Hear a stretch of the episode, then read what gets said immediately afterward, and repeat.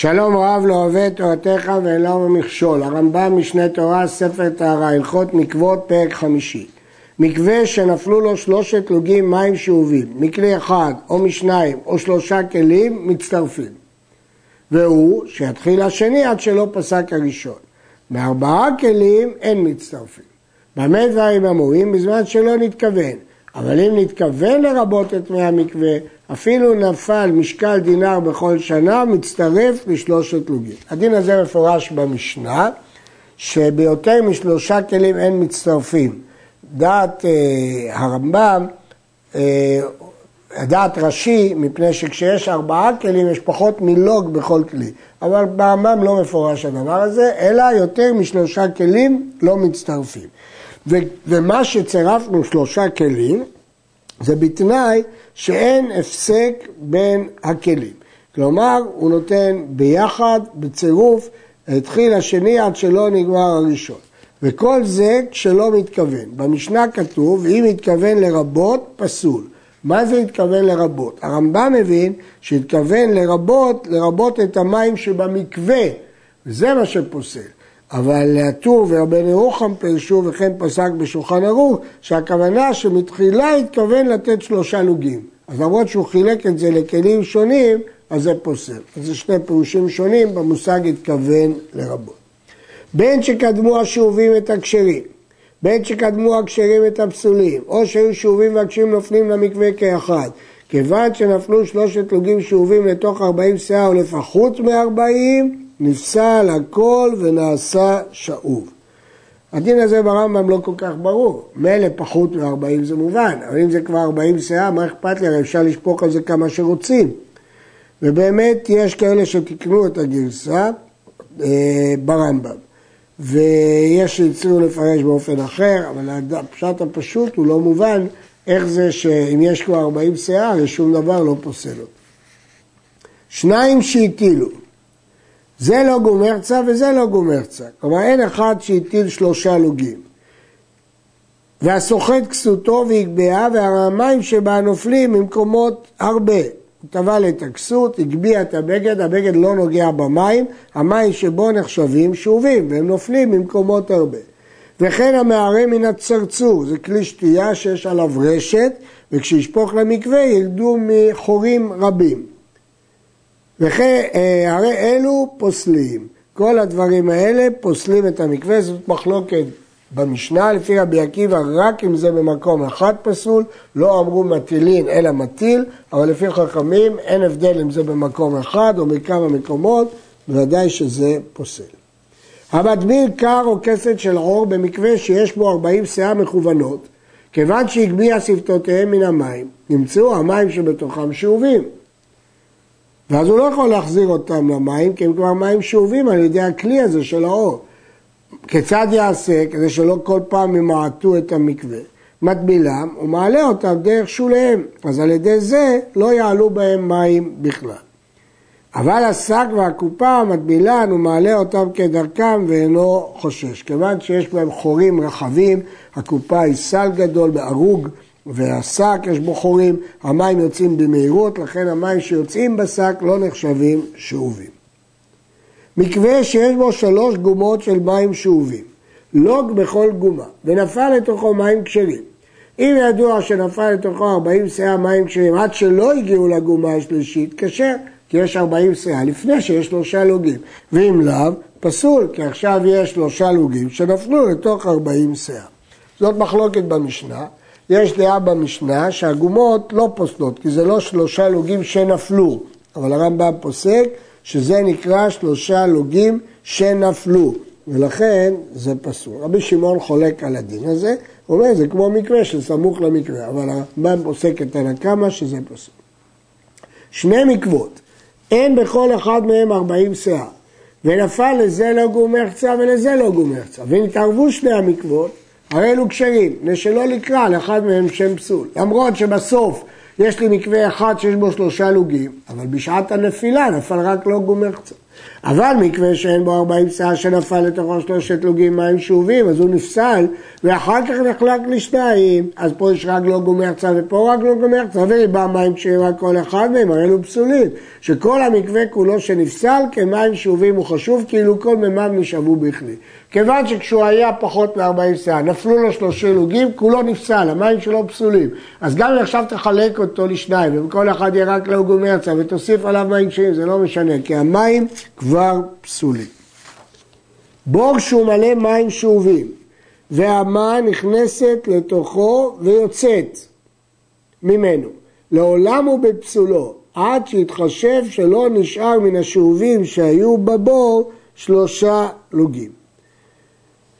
זאת אומרת, המים שבבור פסולים, המים שמגיעים מהאמה כשרים. אז אם יישארו מהמים השאובים שבבור פחות משלושה לוגים, המקווה יהיה כשר. אבל השאלה היא איך עושים את החשבון. איך עושים את החשבון הזה? הרייבד מציע, לפי חשבון המים שהיו בבור, והמים שנכנסו לבור מהאמה, בודקים כמה מים היו בבור, כמה נכנסו מהאמה, ועל פי היחס שביניהם מחשבים האם נשארו פחות משלושה לוגים. אפשרות שנייה לומר שהמים שיצאו מהבור כאילו חציים מהאמה וחציים מהבור.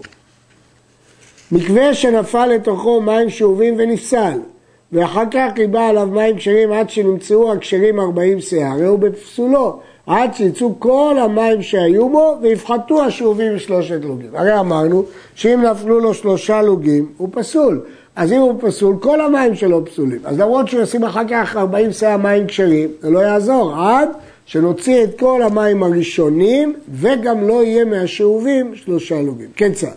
מקווה שיש בו עשרים שאה מי גשמים, ונפל לתוכו שאה מים שאובים, ואחר כך ירבה עליו מים כשרים, הרי זה בפיסולו, עד שידע שיצאו ממנו עשרים שאה שהיו בו, וחמשת קבים ויתר מרביע הקו, ולא נשאר מן הכל שנפסל חוץ מפחות משלושת לוגים. השאה היא שישה קבים, והקרב היא ארבעה לוגים. אז אם יצאו מתוך השאה 5.25 קבים ועוד משהו, נשארו פחות משלושה קבים.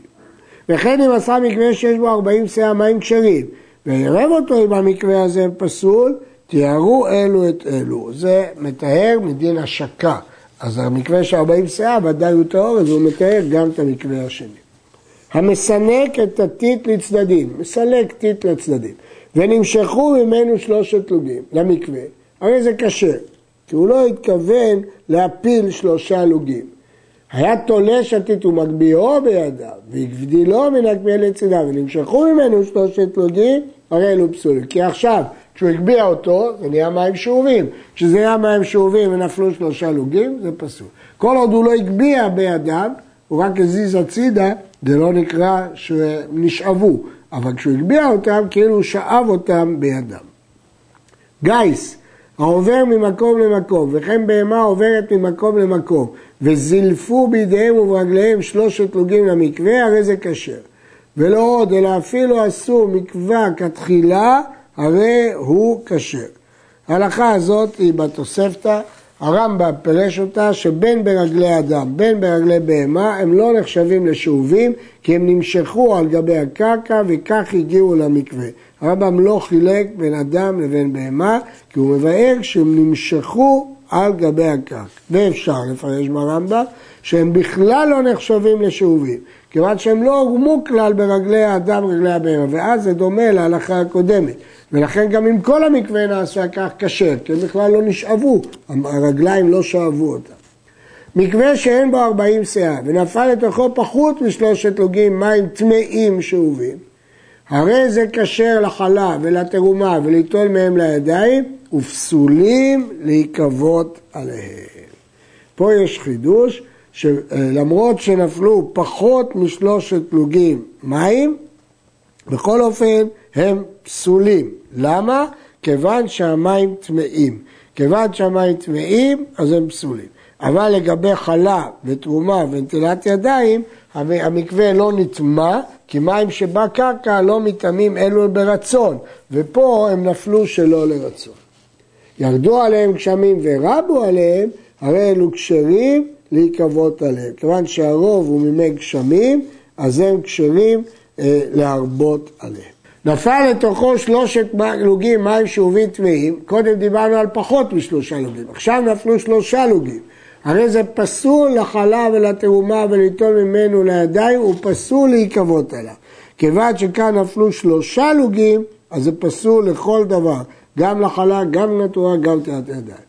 ירדו גשמים ורבו עליהם, הרי הם כשרים לחלה ולתרומה וליטול מהם לידיים מצד הטומאה, אבל הם פסולים להיקוות עליהם, כי אמרנו ששלושה לוגים הופכים את כל המים לשאובים, ולכן למרות שהטומאה נטהרה, אבל סוף סוף הכל נהפך לשאוב.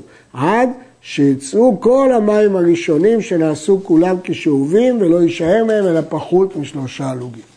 וכן מקווה שיש בו ארבעים שאה חסר דינר, כלומר משהו, ונפל לתוכו שלושה לוגים מים שאובים טמאים, הרי זה פסול לחלה ולתרומה וליטול ממנו לידיים, ופסולים להיקוות עליהם.